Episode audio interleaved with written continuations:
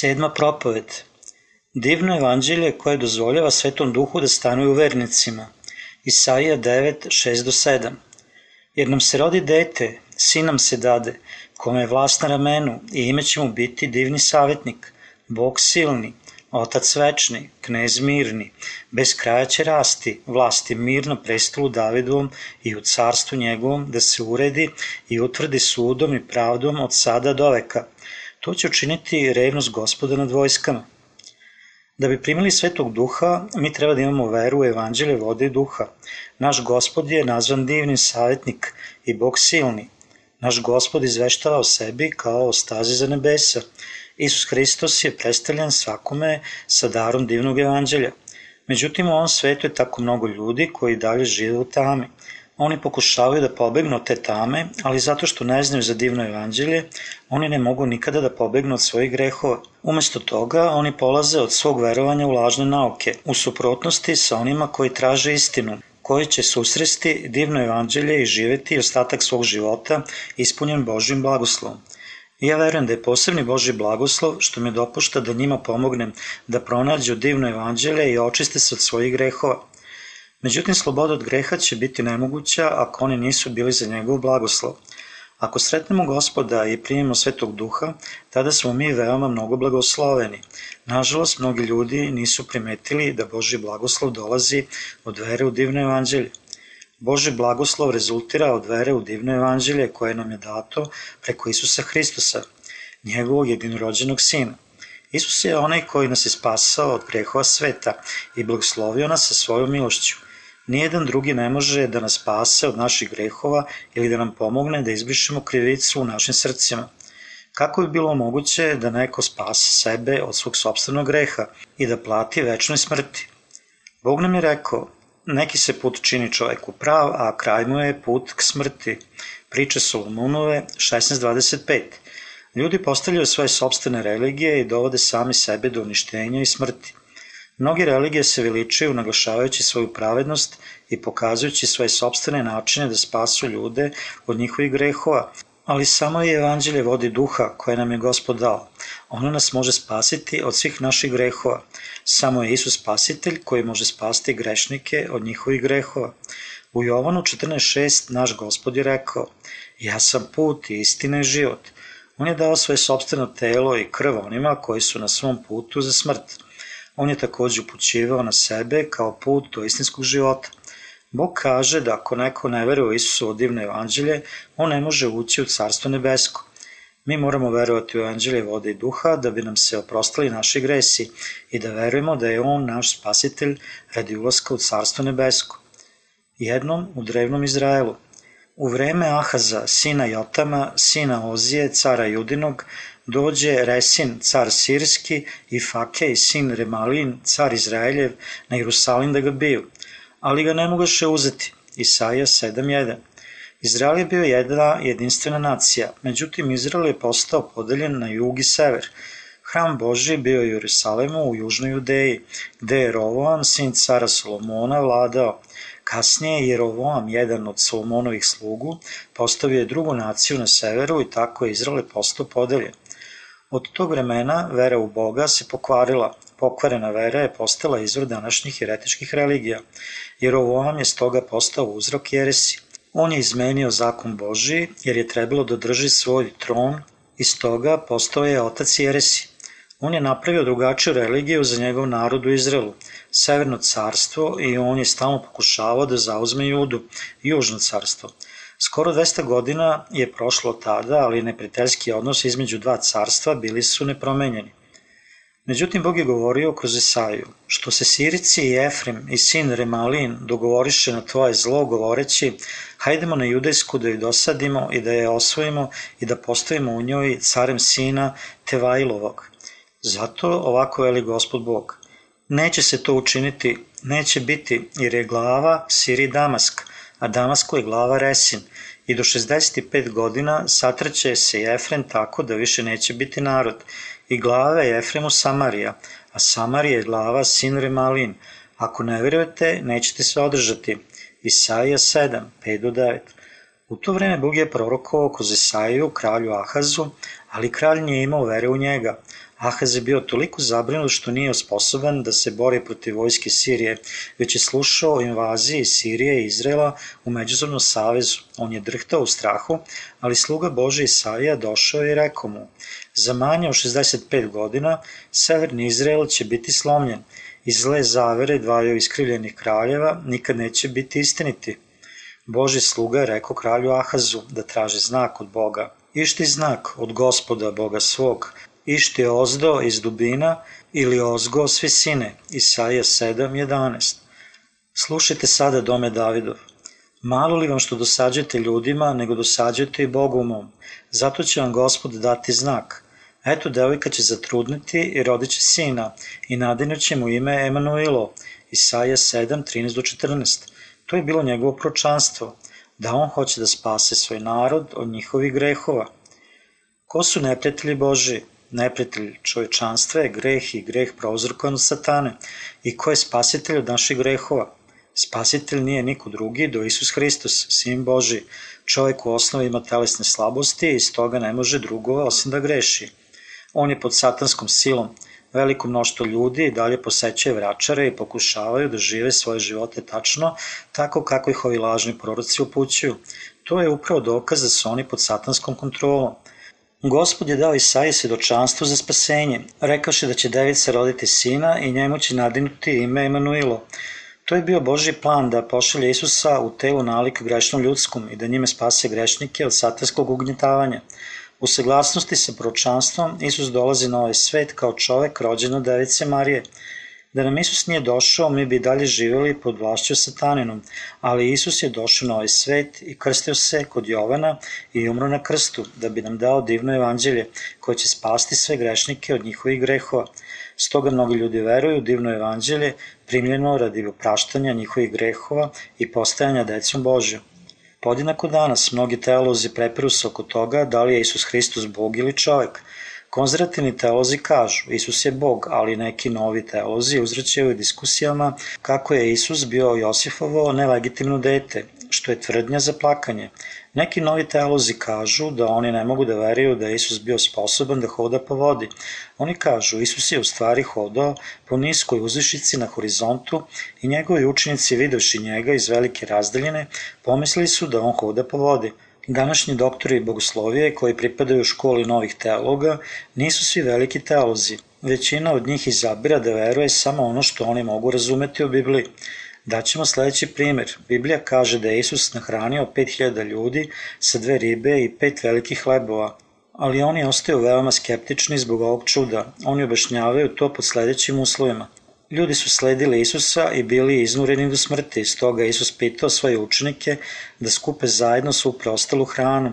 Tada su deca njemu dala dobrovoljno svoj obrok i svi ostali maloletnici bili su dirnuti i donali su svoju sobstvenu hranu. Tako, nakon što su oni pokupili svu hranu zajedno i jeli, 12 kotorice preteklo. Ove vrste teologa jednostavno pokušavaju da učine Bože reči podudarnim sa njihovim sobstvenim, veoma ograničenim poimanjem. Verovanje u Božju istinu je jednostavno kad se ima vera u divno evanđelje Bogom dano. Vera ne podrazumeva verovanje neke stvari samo zato što to na izgled stvara neki osjećaj, ali nedostaje vera u nešto drugo jer ovo nije to. Da li mi možemo razumeti ili ne? Mi moramo verovati njemu i prihvatiti njegove reči kako su one zapisane. Činjenica da je Isus nama došao kao sinu čoveka znači da je on bio poslat da nas spase od svih naših grehova. Isus koji je Bog došao je na ovu zemlju da nas spase. Isaija je prorokovao da će on nama doći kao sinu čoveka, rođen devici. U postanju 3.15 gospod Bog je rekao zmiji, i još mećim neprijateljstvo između tebe i žene, između semena tvog i semena njenog. Ono će ti na glavu stajati, a ti ćeš ga za petu jedati. Ovo znači da je Bog planirao da pošalje Isusa u obliču čoveku, kao našeg spasitelja, da spasi čovečanstvo od njihovih grehova. Gde ti je smrti žalac, gde ti je pakle pobeda, a žalac je smrti greh, a sila je greha zakon.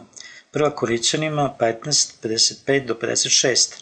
Žal smrti je greh, kad čovjek greši, smrt ga čini svojim robom, ali naš gospod je obećao, seme željeno će ti gaziti na glavu. Ovo znači da će Isus uništiti žalac greha koje je satana dona. Isus je došao na ovaj svet, bio kršten da odnese sve grehe sa sveta, bio je raspet i osuđen radi nas. On je spasao od njihovih grehova sve one koji veruju u divno evanđelje. Kada su Adam i Eva zgrešili, Bog je obećao da će spasti čovečanstvo od satanske sile. U savremenom svetu neprijatelj Boži je onaj koji ne veruje u divno evanđelje. Zašto se Isus rodio na ovom svetu? Bog nam je dao zakon i divno evanđelje da bi nas spasao od greha.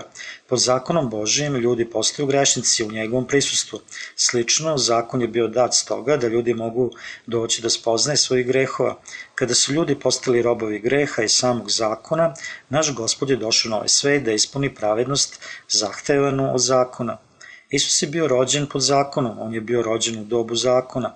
Razlog što je ljudima potreban zakon bio je taj da njime treba spo da njima treba spoznaja svojih grehova da bi primili oproštaj od njih.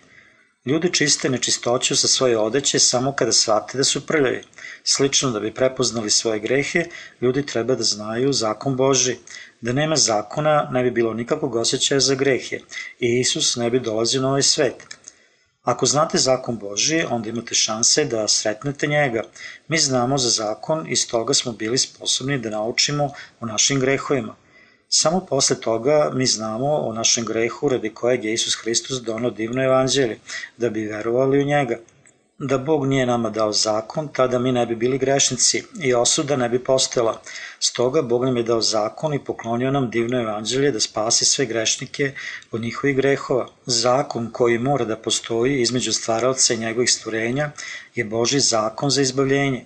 Ovo je zakon ljubavi, Bog je rekao čoveku, ali iz drveta znanja dobra i zla s njega ne jedi. Postanje 2.17. To je bio zakon Boži nama dat i zakon je postao osnova ljubavi kojom nas je Bog se spasao od naših grehova. Zakon spasenja je osnova za praštanje naših grehova.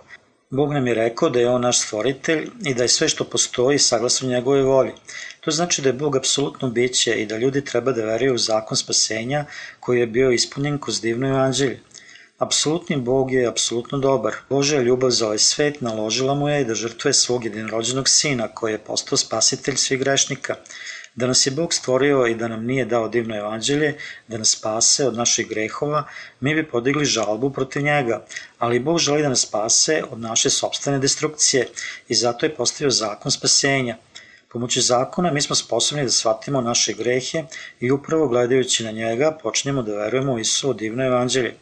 Kada mi prekršimo Božju reč, mi smo se dokazali kao grešnici pred zakonom i nakon stoga mi grešnici klečimo dolo i molimo za njegovu milost opraštanja greha pred Bogom. Isus je bio rođen od žene i došao na ovaj svet da spasi čovečanstvo od greha. Isus je došao na ovaj svet kao čovek da ispuni Božji plan za nas. Mi verujemo u njegovo divno evanđelje, stoga mi hvalimo gospoda. Neki se žale, zašto me Bog učinio tako slabim da lako padam u greh i da patim tako mnogo za moje pogrešno ponašanje. Ali Bog nikad ne želi da mi pitamo, On dozvoljava da propatimo jer smo skeptični na Isuo evanđelje. Bog nam je dao oboje i patnju i divno evanđelje, da bi stoga imali istu silu poput njegove, kao deca njegova. To je bio njegov plan.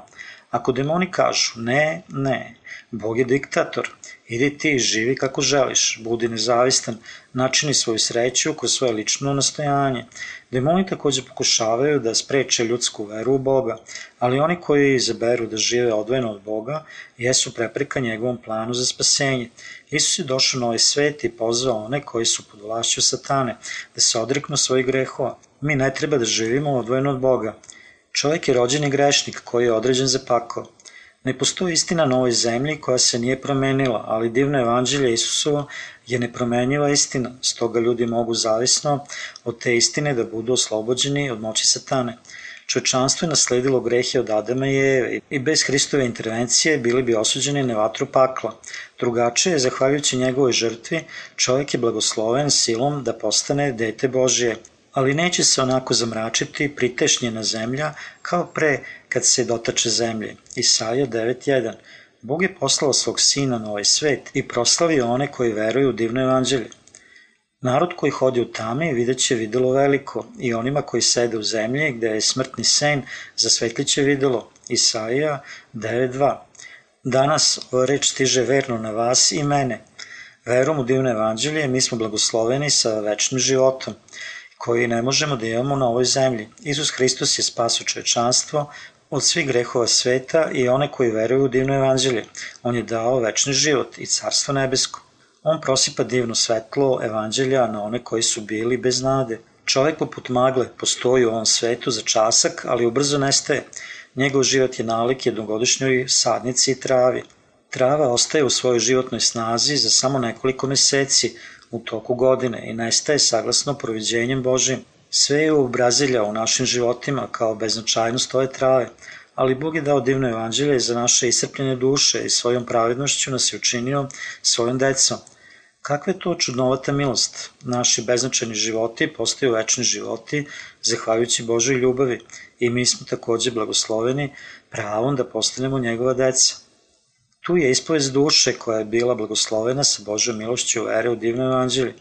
Ja sam rođen u porodici koja nije verovala u Boga, stoga ja sam smatrao da je divno što se moja majka svako jutro sa peharom vode ispred sebe moli bogovima nebeskim i zemlji za dobrobit moje porodice. Kako sam rastao, ja nisam znao za svoju vrednost ili razlog svoje egzistencije, koja je učinila da verujem da to zaista nije važno da li ja živim ili umirem. Zato što nisam bio svestan svoje vrednosti, ja sam živeo u samoći. Ta vrednost života iscrpla me i iz toga sam požurio da se oženim. Moja venčana žena je bila dobra, ja zato nisam trebao ništa da poželim, stoga sam živao tih i spokojan život. Onda kad sam bio dete i u tom dobu, ja sam nalazio da ljubav počinje da se pojavlja u meni. Počeo sam da gubim svoju sebičnu požudu, ali sam se takođe plašio da izgubim one koji su meni bliski. Zatim ja sam počeo da tražim Boga. Bio sam slab i nemoćan i zato trebalo mi je neko apsolutno biće da drži pogled na mojim voljenima. Zato sam počeo da posećujem crkvu, ali moja vera bila je malo drugačija od one kojom se moja majka molila pred peharom vode. Moje molite su bile zasnovane samo na nejasnom strahu i nadi. Jedno sam posetio neki mali skup koji je držala lokalna crkva i dok sam se molio, suze su počele da kapaju iz mojih očiju. Bilo mi je neprijatno i pokušavao sam da zaustavim plač, ali suze su nastavile da padaju. Ljudi oko mene su položili svoje ruke na moju glavu i čestitali mi na primenju Svetog Duha. Ja sam bio zbunjen, ja nisam bio čak ni familijaran sa Božjom reči i moja vera u njega bila je tek nejasna. Zato nisam imao poznanja da je ova sila bila od Svetog Duha. Crkva koju sam posećivao bila je udružena sa pentakostalnim harizmatičnim pokretom i mnogi su imali iskustva poput mene i gotovo svi govore jezike. Jednog dana ja sam bio pozvan na skup preporoda vođen pastorom za koga su ljudi verovali da je bio ispunjen svetim duhom. Pastor je prikupio bezbroj ljudi i rekao je da bi on izlečio nečiji sinuzitis, kako je to u njegovoj duhovnoj moći da to učini – Međutim, ja sam mislio da je sinuzitis bila jedna bolest daleko izlečiva u bolnici. Ipak sam bio više zainteresovan za to kako je on primio svetog duha, ali nakon što se pastor pojavio sa uspehom u njegovom nastojanju izlečenja, on je počeo da se razmeće time što je mogao da proriče da li će studenti u školi biti uspešni na svojim univerzitetima pri polaganju ispita ili ne. Mnogi ljudi su slavili njegovu moć kao da je bila Božja, ali ja nisam mogao njega da shvatim i ja nisam mogao reći da li je ili nije moć koju je pastor imao i sve što je činio bilo sa svetim duhom. Ja nisam mislio da je to bilo važno, da li je on mogao da izleči sinusitis ili da predvidi nečiji uspeh na nekom ispitu. Stoga ja nisam mogao da uzmem pojavu njegovih moći kao rad sa svetim duhom. Sila i ljubav Božja koju ja imam u umu bila je drugačija od ovog što sam video.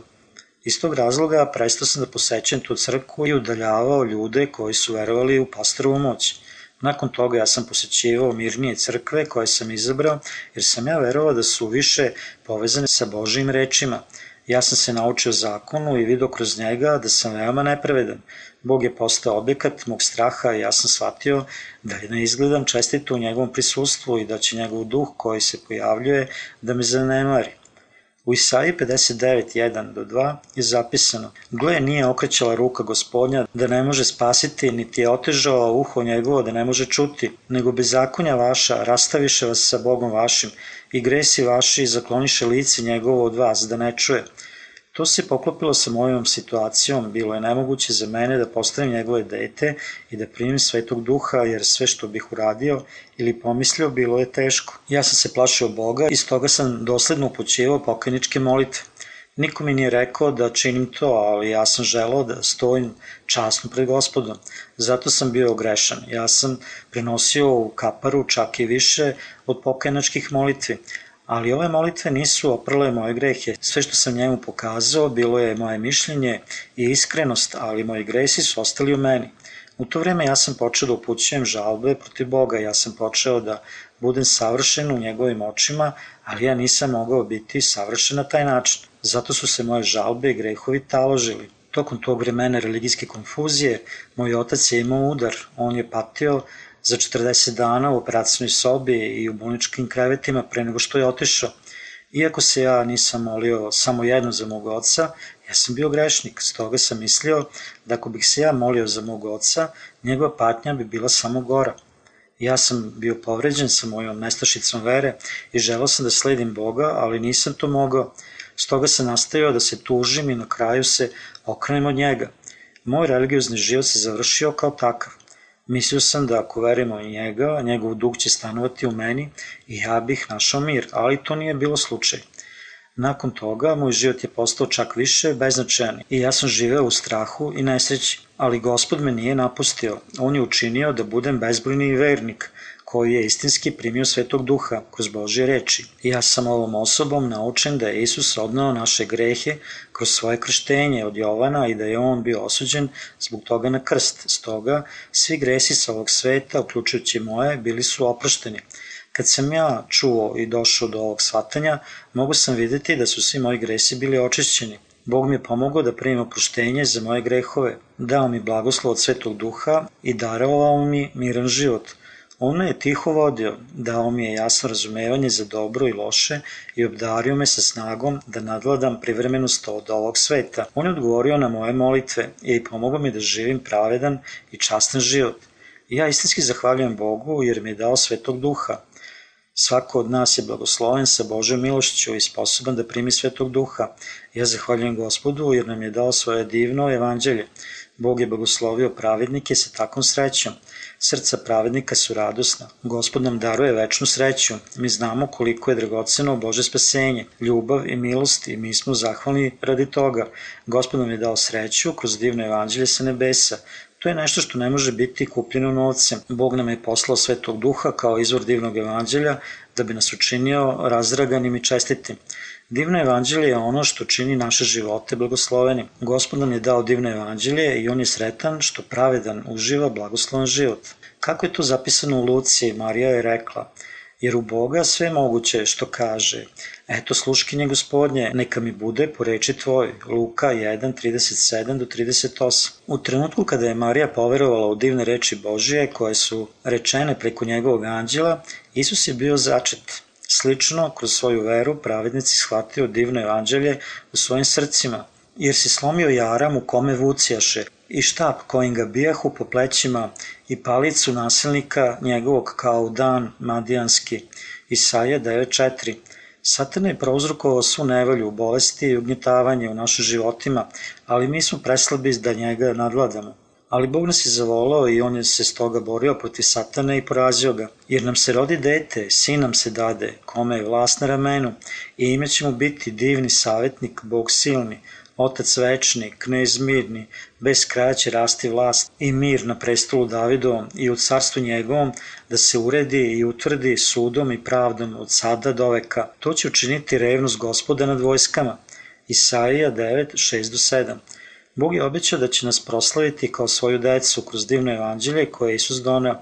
On je porazio satanu u saglasnosti sa njegovim obećanjem i oslobodio nas od moći satane. Gospod je došao na zemlju i sa svojom silom obećao da će odneti svu tamu greha. Stoga mi takođe nazivamo našeg gospoda izvanrednim. On je učinio mnogo izvanrednih stvari za nas. Božja namere da dođe na ovaj svet kao sin čoveka bila je tajanstvena. Tada dođite, veli gospod, pa ćemo se suditi. Ako gresi vaši budu kao skerlet, postaće beli kao sneg. Ako budu crveni kao crvac, postaće kao vuna. Isaija 1, 18. Gospod je obećao da će nas spasiti od naših grehova i da će nam dati večeto oproštenje. Isus je nama upućen kao neko izvredan i na taj način on je obavio čudesno delo za nas. On će biti nazvat savjetnikom, moćnim Bogom. Bog, kao što je naš savjetnik, planira naše spasenje sa divnim evanđeljem i brine se o svom planu da nas spase od naših večnih grehova. Ludost Božija je mudrija od čoveka. To je bila njegova mudrost da Isus bude kršten od Jovana i umre na krstu da bi nas spasao od svih naših grehova. To je tajanstveno delo koje on učinio radi nas, ali to je zakon ljubavi koji nas je spasao od svih naših grehova. Zakon ljubavi je evanđelje istine koje nas vodi da primimo svetog duha kroz vodu i njegovu krv. Gospod kaže u Isaiji 53.10 Ali gospodu bi volja da ga bije i dade ga na muke. Isus je učinio svojom dušom ponudu za greh da bi izvršio volju Božiju. On je preneo grehe sveta na svog sina, Isusa Hrista, i dao njega da ispašta u mukama na krstu, da bi njemu bilo presuđeno radi njih. To je divno evanđelje koje je spasilo čovečanstvo od njihovih grehova jednom iz uvek. Hristos je prinao svoj život radi nas, platio cenu za greh i blagoslovio nas sa spasenjem. Žrtveni sistem Božiji Biblija govori o najkoj ponudi koja je jednom rezultirala opraštanjem za dnevne grehe. Grešnik je trebalo da dovede životinju bez mane i položi svoje ruke na glavu životinje da bi prenao svoje grehove. Tada je on trebalo da ubije žrtvu i prikopi njenu krv za sveštenika. I sveštenik bi uzao nešto od životinske krvi i stavio je na rogove oltara za žrtvu paljenicu, a ostatak bi prolio na podnože oltara.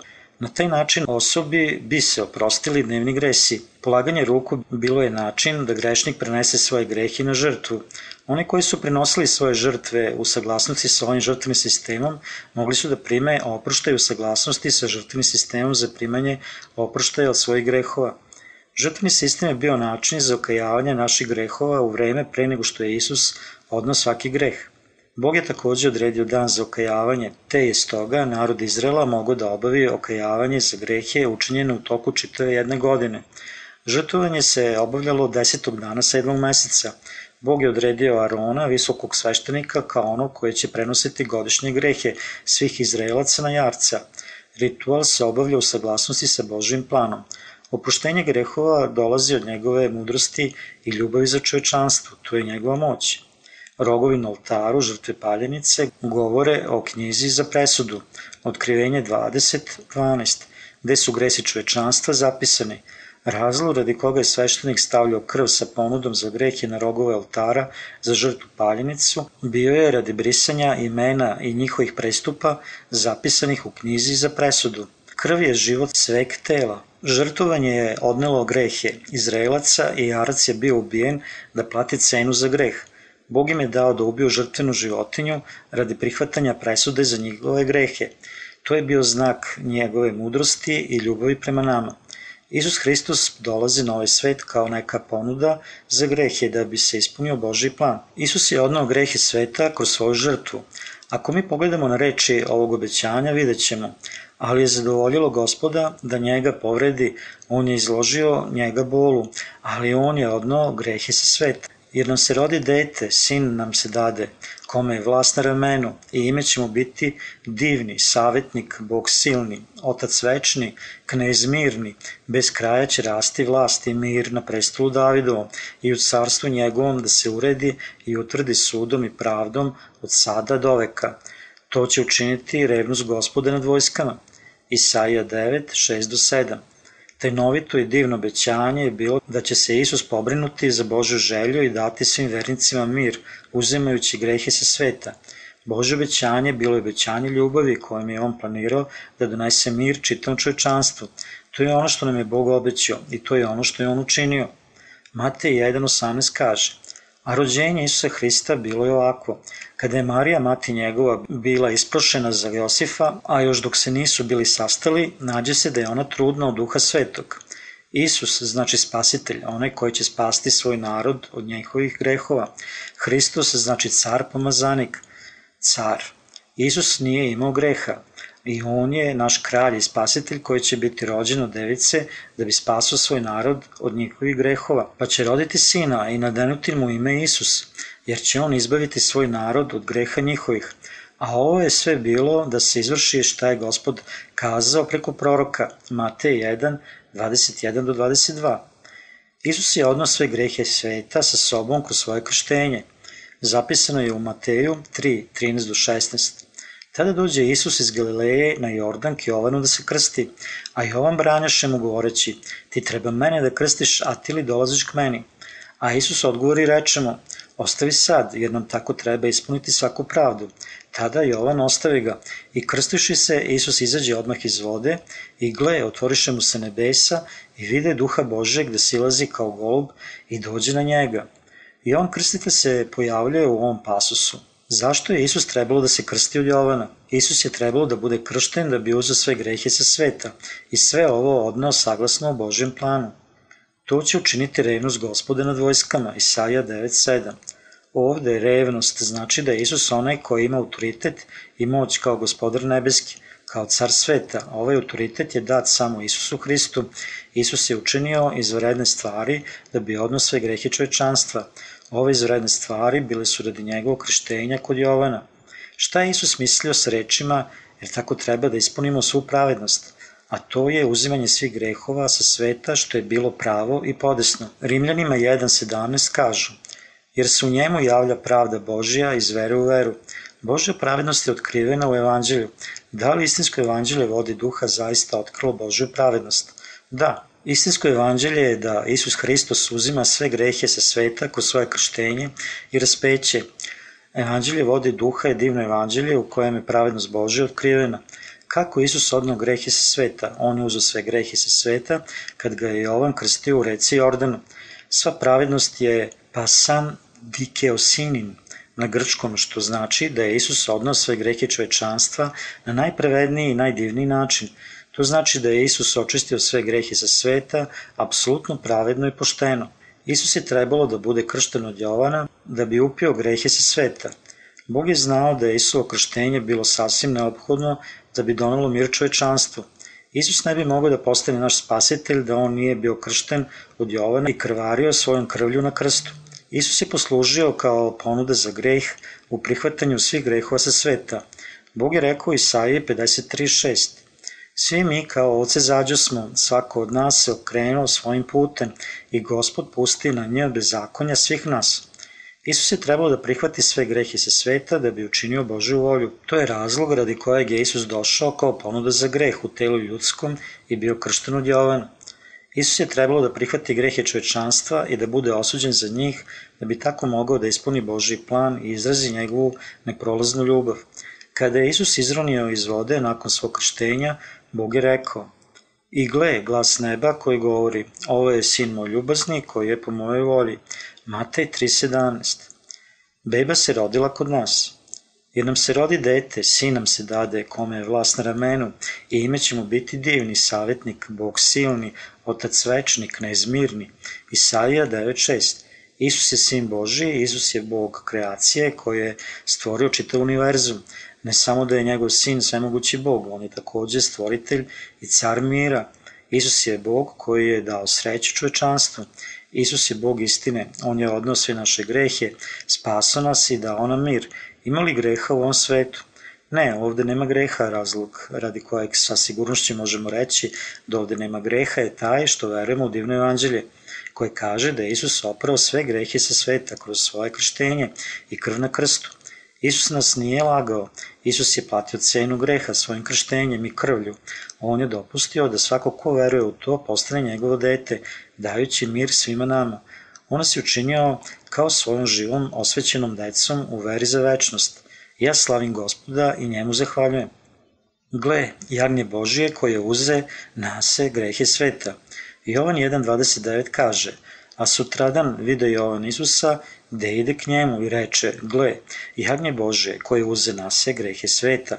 Isus Hristos se pojavio iznova pred Jovanom krstiteljem dana nakon što je uzeo sve grehe sa sveta kroz svoje krštenje. On krstitelj nosi svedočanstvo za Isusa rečima, gle jagnje Božije koje uze nase grehe sveta. On nosi svedočanstvo iznova u Jovanu 1.35 do 36.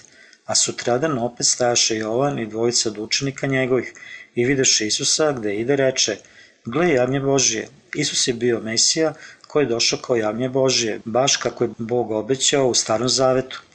Mesija, Isus Hristos, nam dolazi kao onaj izvaredni, savjetnik i svemogući Bog i krštava se da spase nas od svih naših grehova. Beba se rodila kod nas, on je prihvatio sve grehe sa sveta kroz svoje krštenje od Jovana, platio cenu za greh i postao knez mira koji nam daje mir i otpušta sve naše grehe. Gle, jagnje Božije koje uze na se grehe sveta. Ljudi nemaju drugog izbora osim da umru radi svojih grehova. Čovečanstvo je predodređeno da načini bezbroj grehova radi svoje grešne prirode i najzad bude osuđeno na pakao. Oni vode očine živote, nijedan od njih ne može ući ili čak sanjati o carstvu Božijem radi njihovih slabosti. Isus Hristus koji je naš Bog prihvata sve njihove grehe pri svom krštenju od Jovana u reci Jordan i pri raspeću u osudi radi njihovih grešaka. U čas svoje smrti Hristos je rekao, svrši se, Jovan 19.30. To je bio znak njegovog svedočanstva za činjenicu da je Isus spasao svo čovečanstvo od njegovih grehova i smrti i da je on potpuno slobodio svakog ko veruje u divno evanđelje. Gle javnje Bože koje uze na se grehe sveta. Da li znate gde se svi gresi sa sveta nalaze? Nisu li oni na telu Isusa Hrista? Gde su svi gresi i prestupi koji nas ponižavaju u ovom svetu? Oni su svi bili preneti na Isusa Hrista. Gde su svi naši gresi? Oni su na telu onog sa starešinstvom na njegovim ramenima. Oni su na telu svemogućeg Boga. Svi gresi od rođenja do groba. Mi činimo greh čitavog našeg života. Mi smo počinili grehe od dana kada smo bili rođeni do dana kada napunimo 20. Gde su se deli svi oni gresi počinjeni od proteklih 20 godina? Oni su preneseni na telo Isusa Hrista, gresi koje smo počinili između doba 21 i 40 preneseni su na Isusa takođe. Bez obzira koliko puno godina osoba živi, gresi koje je ona počinila od početka svog života do kraja bili su preneseni na Isusa Hrista. Svi gresi koje je čovečanstvo počinilo, počeši od Adama do poslednje osobe na ovoj zemlji, prenesene su na Isusa.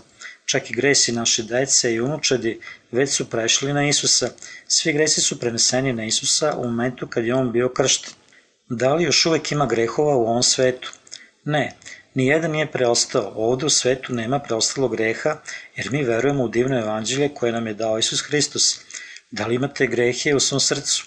Ne, mi verujemo u divno evanđelje koje kaže da nas je Isus Hristos spasao od svih naših grehova. Mi slavimo svemogućeg Isusa jer je obavio to čudesno delo za nas. Isus Hristos je nama vratio naše izgubljene živote. Sada mi verujemo u divno evanđelje tako da smo sposobni da živimo sa Bogom čak i ljudi koji su bili neprijatelji Boži, grešnici koji nisu imali drugog izbora, osim da se krije u tamnim šumama, sada mogu biti spašeni od svojih grehova verom u divno evanđelje. Divno evanđelje nas uči da je gospod oprao sve naše grehe, načisto kad je bio kršten od Jovana, raspet i vaskrsao. Mi postajemo osvećena deca Božija verom u Isusovo evanđelje. Isus je prinao svoje sobstveno telo kao ponudu za naše grehe. On, sin svemogućeg Boga, koji nikad nije počinio ni jedan greh u ovom svetu, odnao je sve grehe sa sveta i spasao svako ko veruje u njega. Isaija 53.5 kaže, ali on bi ranjen za naše prestupe, izbijen za naša bezakonja. Isus je odnao sve grehe sa sveta, uključujući izvorni greh i aktuelne grehove, i nije ostavio ni jedan prestup. On je platio cenu greha svojim životom, na krstu i na taj način spasao nas od svih naših grehova. Isus je oprao sve grehe sa sveta kroz svoje divno evanđelje. Mi smo pronašli nov život kroz Isusa. Oni koji veruju u ovo divno evanđelje neće više biti mrtvi u duhu. Mi sada imamo nov i večni život, jer je Isus platio svu cenu za naš greh. Mi ćemo postati deca Božija verom u divno evanđelje Isusa Hrista. Da li verujete da je Isus Hristos sin Božiji? Da li takođe verujete da je On vaš spasitelj? Ja da. Isus Hristos je živo radi nas. Mi nađe smo nov život kroz njega. Mi smo bili određeni da umremo zbog naših grehova i prestupa. Ali Isus je platio cenu za greh kroz svoje kaštenje i smrt na krstu. On nas je oslobodio od našeg robstva grehu, od sile smrti i okova sataninih. Gospod je Bog koji nas je spasao od naših grehova i postao spasitelj svakog ko veruje u Isusa. Kada mi pogledamo jevrejima 10, 10 do 12, 14 i 18, mi možemo da vidimo da je Gospod nas posvetio i da stoga u buduće nije potrebno da primamo oproštu od grehova. Mi ulazimo u Carstvo Božije verom u Isusa.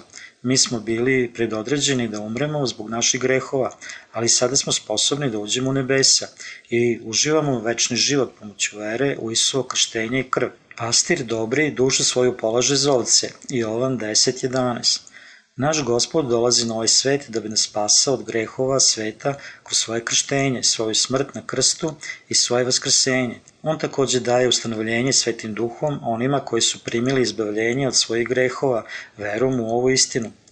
Hvala ti, gospode, tvoje evanđelje je divno evanđelje koje može dati vernicima ustanovljenje svetim duhom. Haliluja, ja slavim gospoda.